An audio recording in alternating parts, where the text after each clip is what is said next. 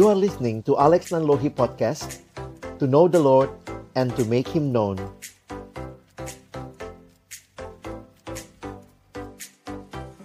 Mari Bapak Ibu Saudara yang dikasihi Tuhan Kita satukan hati, kita berdoa sebelum membaca merenungkan firman-Nya.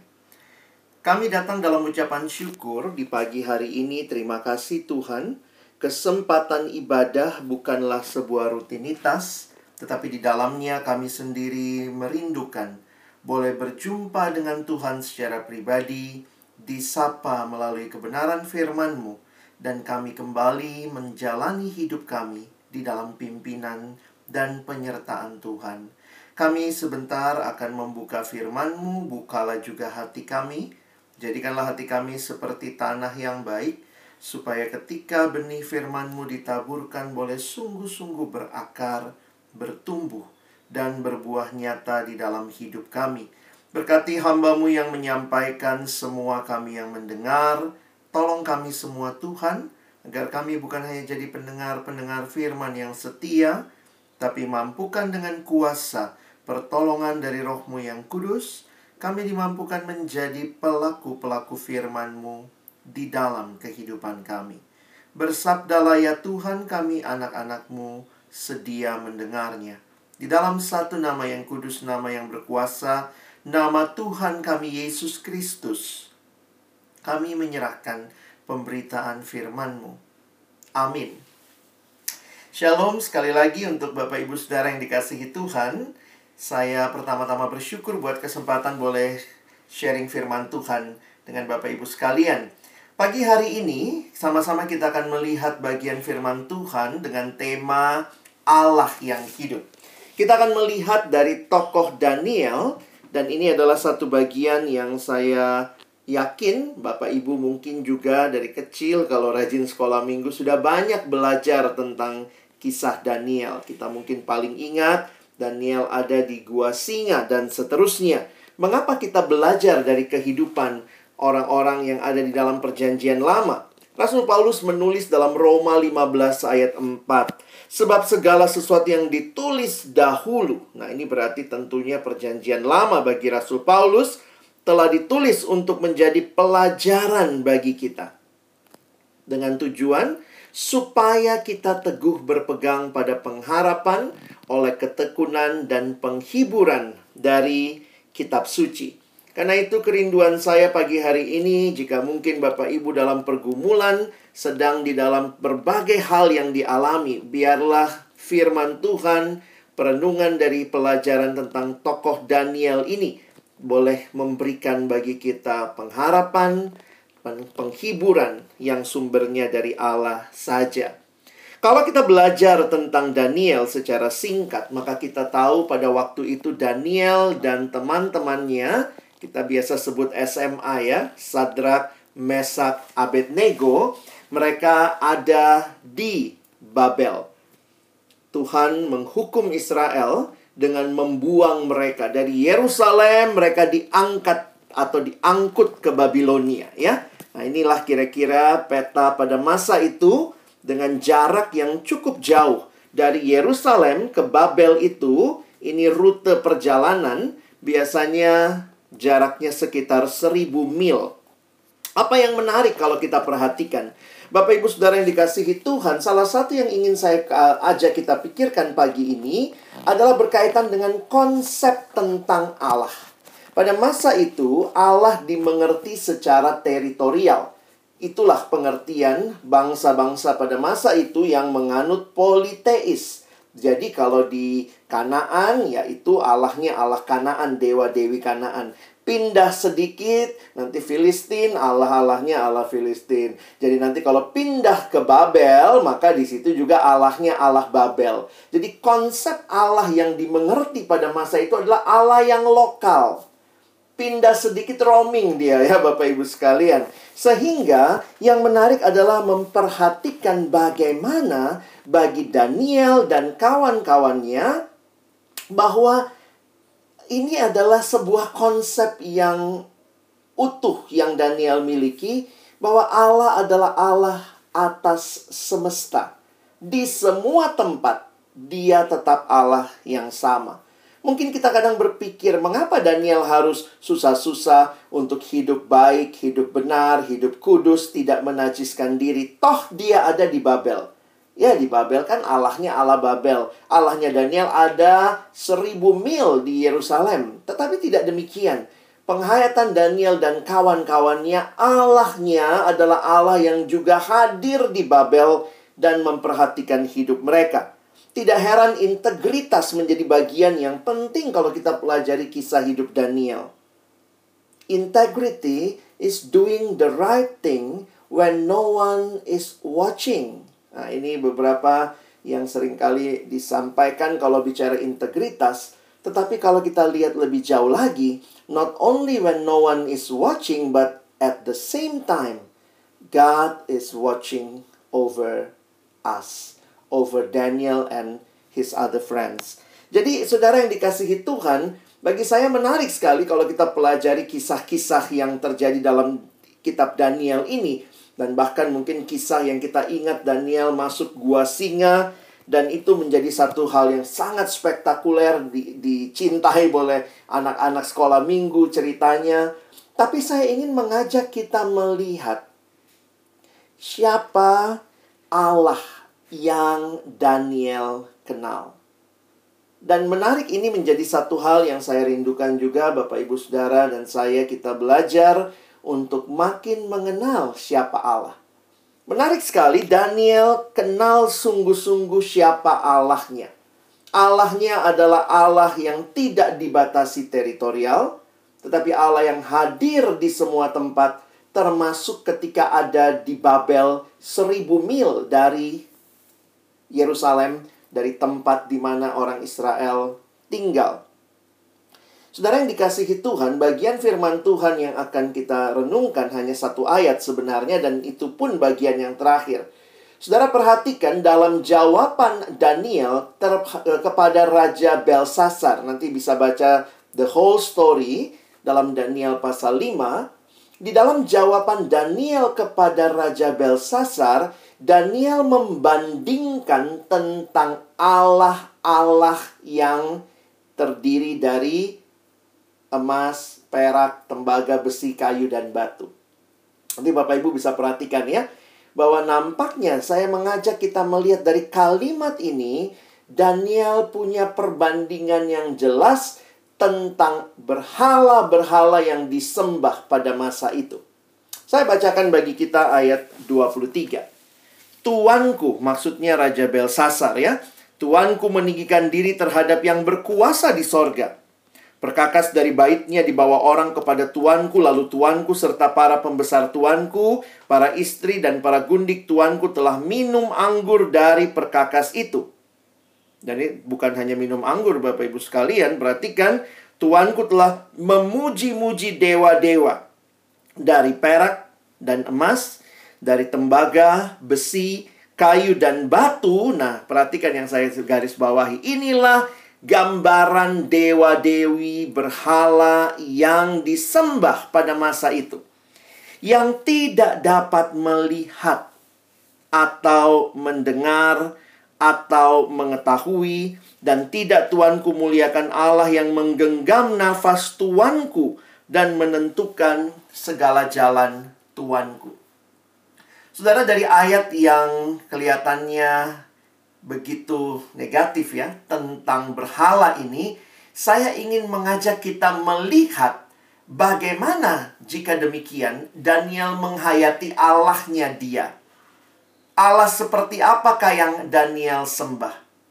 Kalau ternyata Allah atau berhala-berhala yang disembah adalah berhala yang tidak dapat melihat, tidak dapat mendengar, tidak dapat mengetahui, maka saya ingin mengajak kita melihat lima hal yang Daniel kenal tentang Allahnya dari kebalikan ayat ini. Dari Daniel 5 ayat 23 tentang berhala-berhala, saya mengajak kita melihat bahwa Daniel nampaknya meyakini dia punya Allah yang melihat. Kalau Allah-Allah berhala-berhala itu tidak dapat melihat karena dia cuma buatan tangan manusia. Tetapi Daniel meyakini Allahnya Allah yang melihat. Sepanjang kitab Daniel, Bapak Ibu Saudara sekali lagi bisa belajar melihat bagaimana Daniel percaya kepada Allah. Dia tahu bahwa di tempat yang paling tersembunyi sekalipun, Allah tetap hadir dan melihat umatnya. Saudara yang dikasihi Tuhan, ketika Daniel percaya kepada Allah yang melihat kehidupannya, saya melihat ini adalah satu keyakinan iman yang membuat kita bisa ke kemudian mempelajari kenapa Daniel bisa begitu berintegritas. Kadang-kadang kalau ada bos yang lihat orang bisa tiba-tiba mendadak integritas. Mendadak kudus, mendadak baik begitu ya, mendadak jadi orang yang rajin kalau ada yang melihat. Tetapi ketika tidak ada manusia yang melihat, Apakah integritas kita karena hanya ada manusia yang melihat? Saya melihat bahwa kunci keberhasilan Daniel karena dia percaya kepada Allah yang melihat setiap detail hidupnya. Dan apakah juga ini keyakinan kita akan Allah yang kita sembah?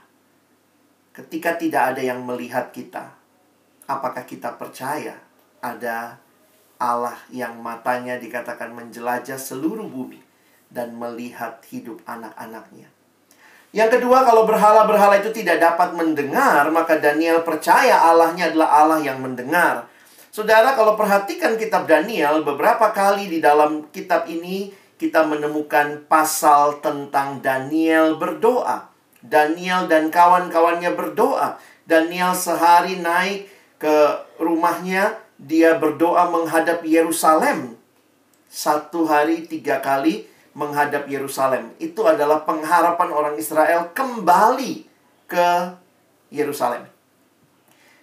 Kenapa dia berdoa? Nanti di pasal yang ke-9 kitab Daniel dicatat juga doa Daniel yang cukup panjang. Mengapa Daniel berdoa? Karena dia tahu dia punya Allah yang mendengar. Bapak Ibu Saudara yang dikasihi Tuhan, saya tidak tahu pergumulan apa yang kita sedang alami, tapi mungkinkah kita juga sedang marah, mungkin sedang kecewa sama Tuhan dan berkata, Tuhan kok nggak dengar doa saya? Hari ini kita ingat dari teladan Daniel. 70 tahun mereka dibuang. Saudara tidak mudah. Makanya waktu saya menghayati Daniel setiap kali berdoa menghadap Yerusalem, berdoa menghadap Yerusalem itu sebuah gambaran keyakinan bahwa Allah mendengar doa dan Allah akan mengembalikan mereka ke Yerusalem setelah 70 tahun. Memang sering kali waktunya Tuhan berbeda dengan waktu kita. Tapi percayakah kita? Allah kita adalah Allah yang mendengar. Wah saudara ini baru merenungkan ini nanti sebenarnya seminggu ini Bapak Ibu bisa ya setiap hari coba renungkan ya. Hari ini yakini Allah Allah yang melihat. Nanti besok seharian coba ingat lagi dia Allah yang mendengar. Lalu kemudian dia juga Allah yang mengetahui. Melihat, mendengar itu observasi luar Bapak Ibu ya. Tetapi mengetahui berkaitan dengan Allah yang peduli dengan setiap yang kita alami. Oh saudara banyak orang bisa lihat hidup kita. Banyak orang bisa dengar keluh kesah kita, teman kantor juga bisa. Kita cerita adu kepada atasan kita, aduh Pak, Bu, kepada teman-teman rekan kerja kita bisa cerita. Mereka mungkin melihat apa yang kita alami, dengar kisah kita. Tapi Allah adalah Allah yang tahu sampai kedalaman hati kita, bahkan hal-hal yang saudara dan saya tidak bisa ungkapkan. Di pembuangan, Daniel yakin Allahnya melihat, mendengar, mengetahui. Dan selanjutnya, saya pikir kenapa dia nggak takut mati ya, Bapak Ibu ya? Kok masuk gua singa gitu ya? Itu bukan karena dia sok-sokan, tapi bagi saya ini yang menarik. Dia mengatakan berhalamu bukan yang menggenggam nafas hidup. Dan Tuanku tidak muliakan Allah yang menggenggam nafas hidup manusia. Saudara, kalau kita percaya bahwa nasib kita dalam arti tujuan hidup kita kehidupan kita itu di tangan Allah, maka ini jadi sebuah keyakinan Allah punya rencana. Orang Kristen tidak mengerti nasib seperti fatalisme. Ya sudahlah, tidak bisa berubah, tidak. Tuhan minta kita berjuang, kita berdoa, tetapi kita tetap meyakini bahwa nafas hidup ada di dalam genggaman Allah. Tidak ada satupun dari kita yang bisa mengontrol hidup kita. Tapi kita percaya ada Allah yang pegang nafas hidup kita. Jadi saya pikir, oh karena Daniel kenal siapa Allahnya. Sehingga ketika harus dipertaruhkan integritasnya. Saudara, integritas Daniel, taruhannya nyawa.